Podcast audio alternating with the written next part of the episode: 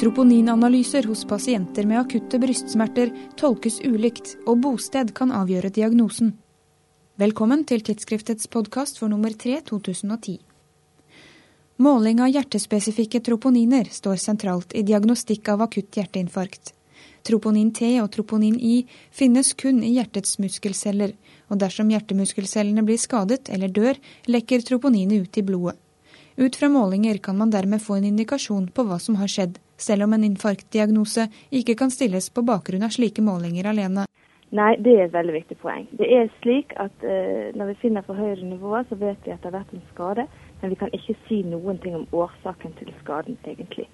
Sånn at For å bestemme hva som er årsaken, så må man se på andre ting hos pasienten. Det kan være ting som symptomer, det kan være EKG-forandringer, billeddiagnostiske tegn. Eh, og, og, flere andre kriterier som skal være oppfylt for at man sier at pasienten har hjerteinfarkt. Det sier Kristin Åkre ved Laboratorium for klinisk biokjemi ved Haukeland universitetssykehus. Hun er førsteforfatter av en artikkel om troponinmålinger i norske sykehus, der man har undersøkt hvilke målemetoder som ble brukt. Det finnes nemlig flere alternativer. Disse er helt likeverdige, så det er uproblematisk. Det som imidlertid overrasket Åkre og kollegene, var at resultatene ble tolket ulikt. Det som var spesielt i undersøkelsen, var eh, at vi fant det at disse prøvene, mm, selv om man bruker samme metode, så blir de tolket ulikt på de ulike sykehusene. Sånn at f.eks. For, for de to eh, vanligste troponin I-metodene som var brukt, så ble det brukt totalt åtte eh, ulike grenser for når det var hjerteinfarkt. Så fant vi også da at eh, det var ikke alle laboratorier som overvåket eh, analysekvaliteten ved den grensen som de brukte som beslutningsgrense for hjerteinfarkt. Sånn at man vet ikke egentlig kvaliteten på de resultatene man gir ut. For pasientene betyr dette at de kan få én diagnose ved ett sykehus, men en annen diagnose ved et annet sykehus. Hvis jeg får vondt i brystet her og blir innlagt på Haukeland sykehus, eh, så vil jeg kanskje få diagnosen hjerteinfarkt hvis jeg har en viss mengde troponin i blodet. ikke sant? Men hvis jeg er på min hytte et annet sted på Vestlandet og blir innlagt på et annet sykehus, som kanskje har nøyaktig samme troponinmetode, så vil jeg kanskje få eh, diagnosen angina pectoris eller hjertekrampe. Og Det vil jo jeg som pasient kanskje oppleve som eh, noe helt annerledes enn å få diagnosen hjerteinfarkt.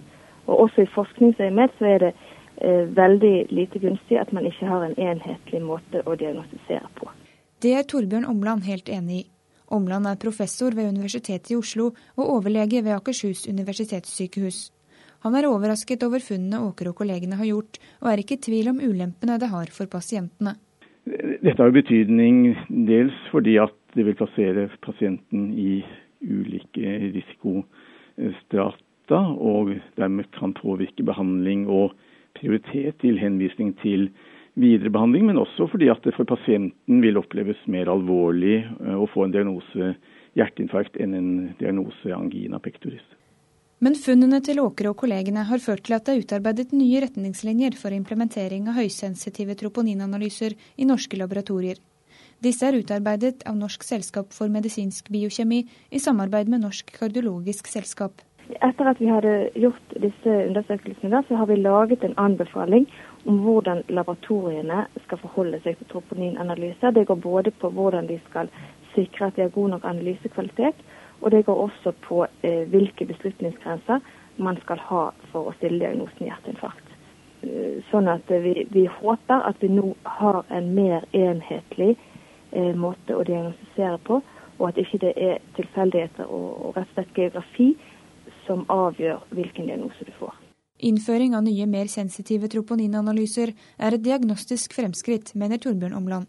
Metodisk så er de nye metodene eh, eller analysene langt bedre, og de tilfredsstiller egentlig de kravene man har ønsket å ha til, til, metodene tidligere også.